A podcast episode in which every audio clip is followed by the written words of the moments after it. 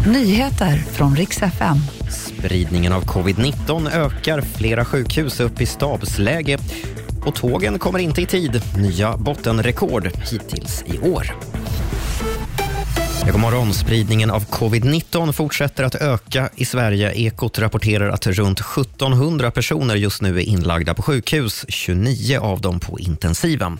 Flera sjukhus har gått upp i stabsläge, men från Folkhälsomyndighetens håll tycker man inte att det behövs några nya restriktioner just nu så ska jag berätta att det går sådär för tågen. Bara drygt 70 procent av alla fjärrtåg kom i tid under årets första tio månader, vilket är en klar försämring mot förra året.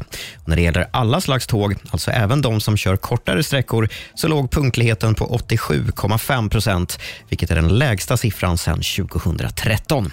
En orsak, säger Trafikverket, är att trafikvolymen ökat igen efter nedgångarna under pandemin. Och sist ska det handla om det stora tillkännagivande som Donald Trump hade tisat för igår. Inför den här stora grejen hade ju Trump lagt ut en bild på sig själv i superhjältedräkt med laserstrålar från ögonen och texten “USA behöver en superhjälte”. Vad var nu det här? Jo, det handlade om att han nu börjar sälja samlarbilder på sig själv.